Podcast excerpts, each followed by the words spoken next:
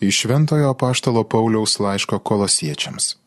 Broliai, dabar aš džiaugiuosi savo kentėjimais už jūs ir savo kūnę papildau, ko dar trūksta Kristaus vargams dėl jo kūno, kuris yra bažnyčia. Aš tapau jos tarnu Dievo man duotų paskirimu, kad jums pilnai atskleiščiau Dievo žodį, tą paslapti, kuri buvo paslėpta amžiams ir kartoms, o dabar apreikšta Dievo šventiesiems.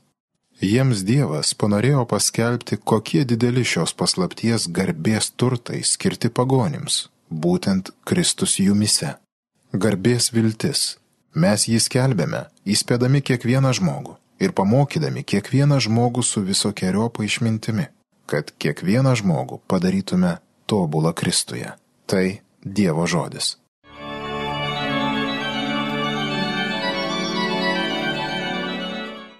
Štai ateinu, o Dieve, vykdyti tavo valios.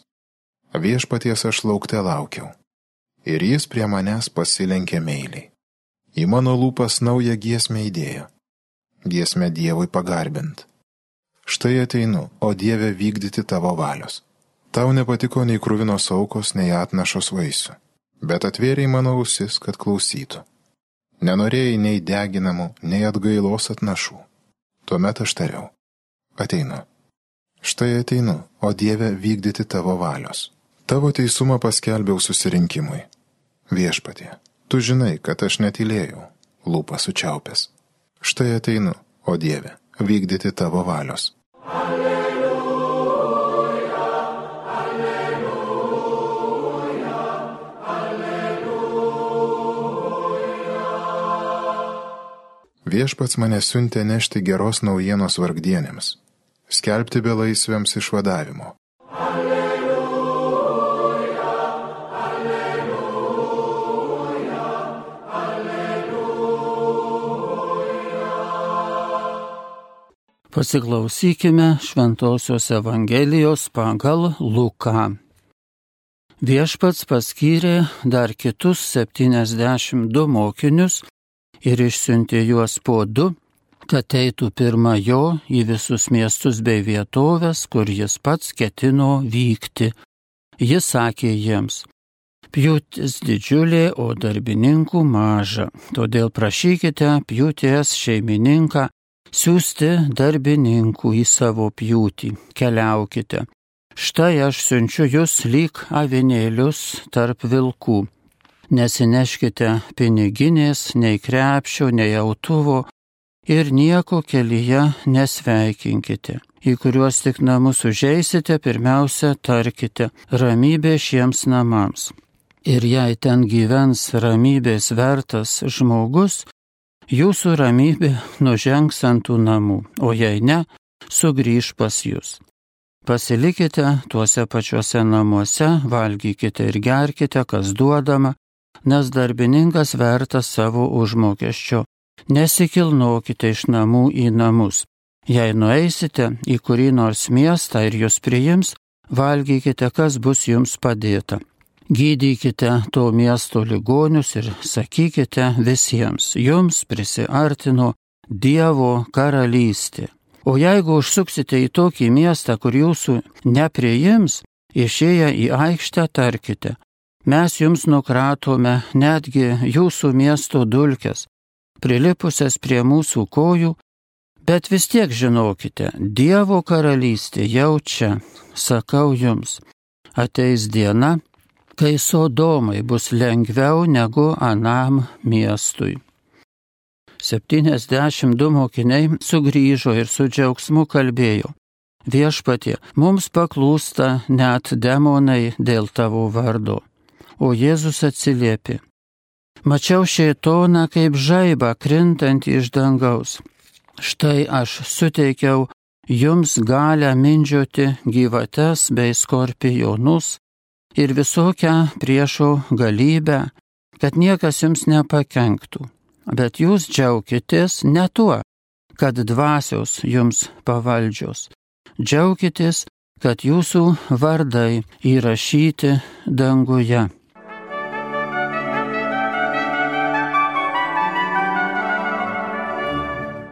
Kuria prasme mūsų vardai įsirašo danguje. Šiandieną, kai minime palaimintą jį Jurgį Matulaitį, galėtume sakyti, kad mūsų vardai įsirašo atitinkamai su mūsų dvasinė branda. Dvasinė branda ryškus, sakytume, visą Jurgio Matulaičio asmenybę apimantis bruožas. Jis ir kaip žmogus, ir kaip krikščionis, ir kaip dvasininkas, kunigas ar vyskupas buvo brandi asmenybė. Ir galėtume sekti tos brandos raidą, kad ji nestaiga įvyko, kad ji tolydžio pamažėlę ir kad tai ir mums kiekvienam žmogui, tam, kad mūsų vardai būtų įrašyti danguje, tai paprasčiausias ir pats tikriausias kelias šiandieną bręsti visokiojopai ir kaip žmonėms, ir kaip krikščionims, kaip pagal savo specifinį pašaukimą ar specifinę misiją kurią gauname ar iš Dievo, ar iš situacijų, kyla koks tai vienoks ar kitoks mūsų gyvenimo kelias, kuris irgi yra Dievo leistas, Dievo duotas. Ir visa, ką darė palaimintas Jurgis Matulaitis, toji asmenybės branda nušvietė.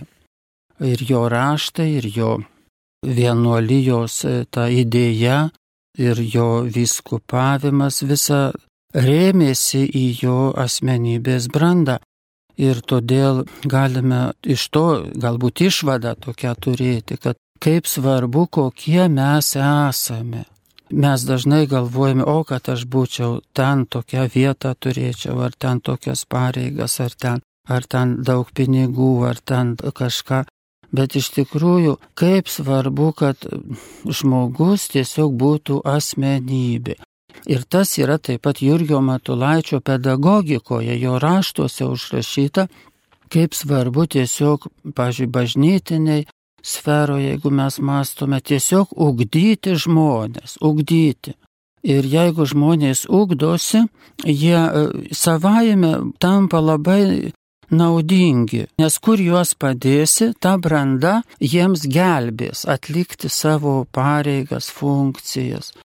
Ir net jeigu kokios funkcijos, sakysim, neatliekamos ten ar nėra kam, tai čia tik tai funkcijos. Ir svarbu iš tikrųjų turbūt bažnyčios misija ir Jėzus jokių funkcijų neatliko. Tai ir bažnyčiai panašiai, čia ne funkcijos esmė, bet esmė branda.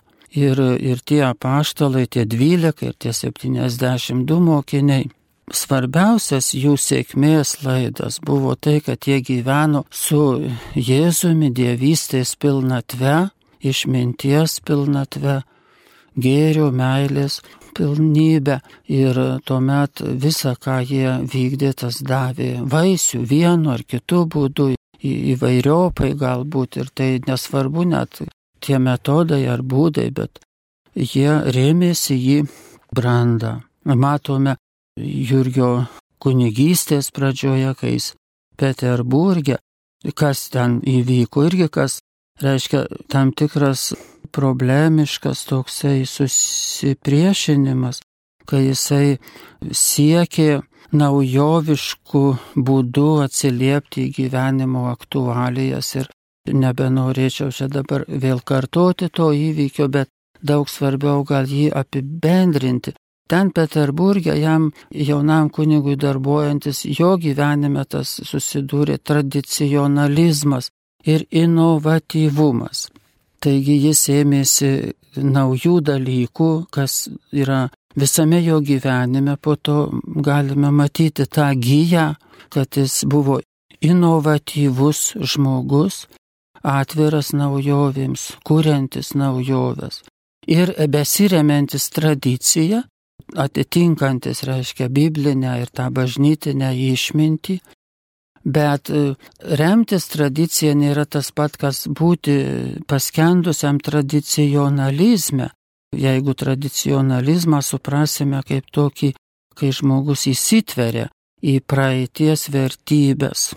Ir kaip tarsi sakytume, tame mato visą esmę sėkimo Kristumi, tai tikrai taip nėra, nes mums reikia šiandieniškai gyventi, šiandieną mums sutikti Dievą, šiandieniškai jį realizuoti, jo malonę.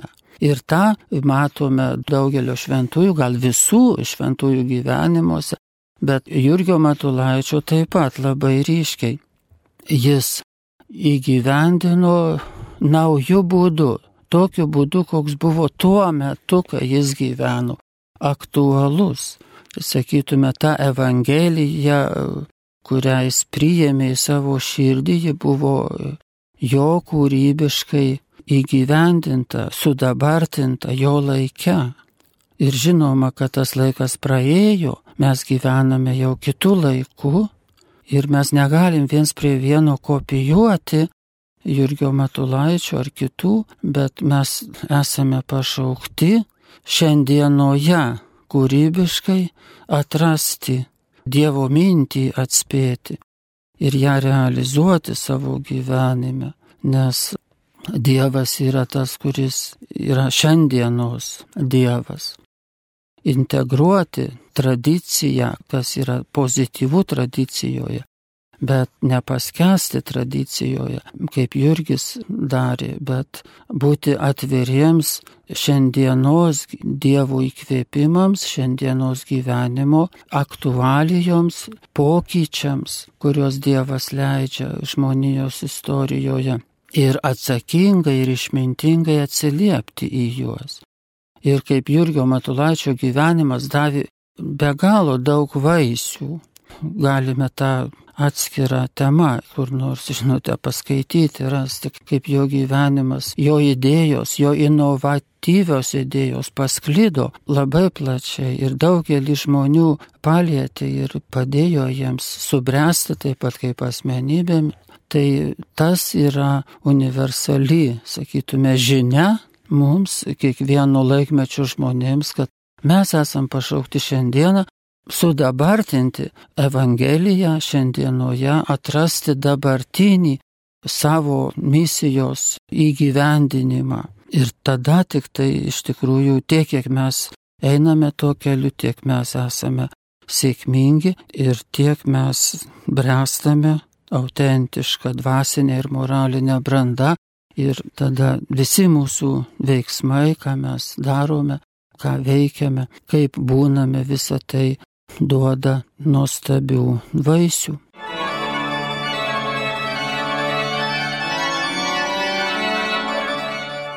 Homilija sakė profesorius, habilituotas teologijos mokslų daktaras, kunigas Romualdas Dulskis.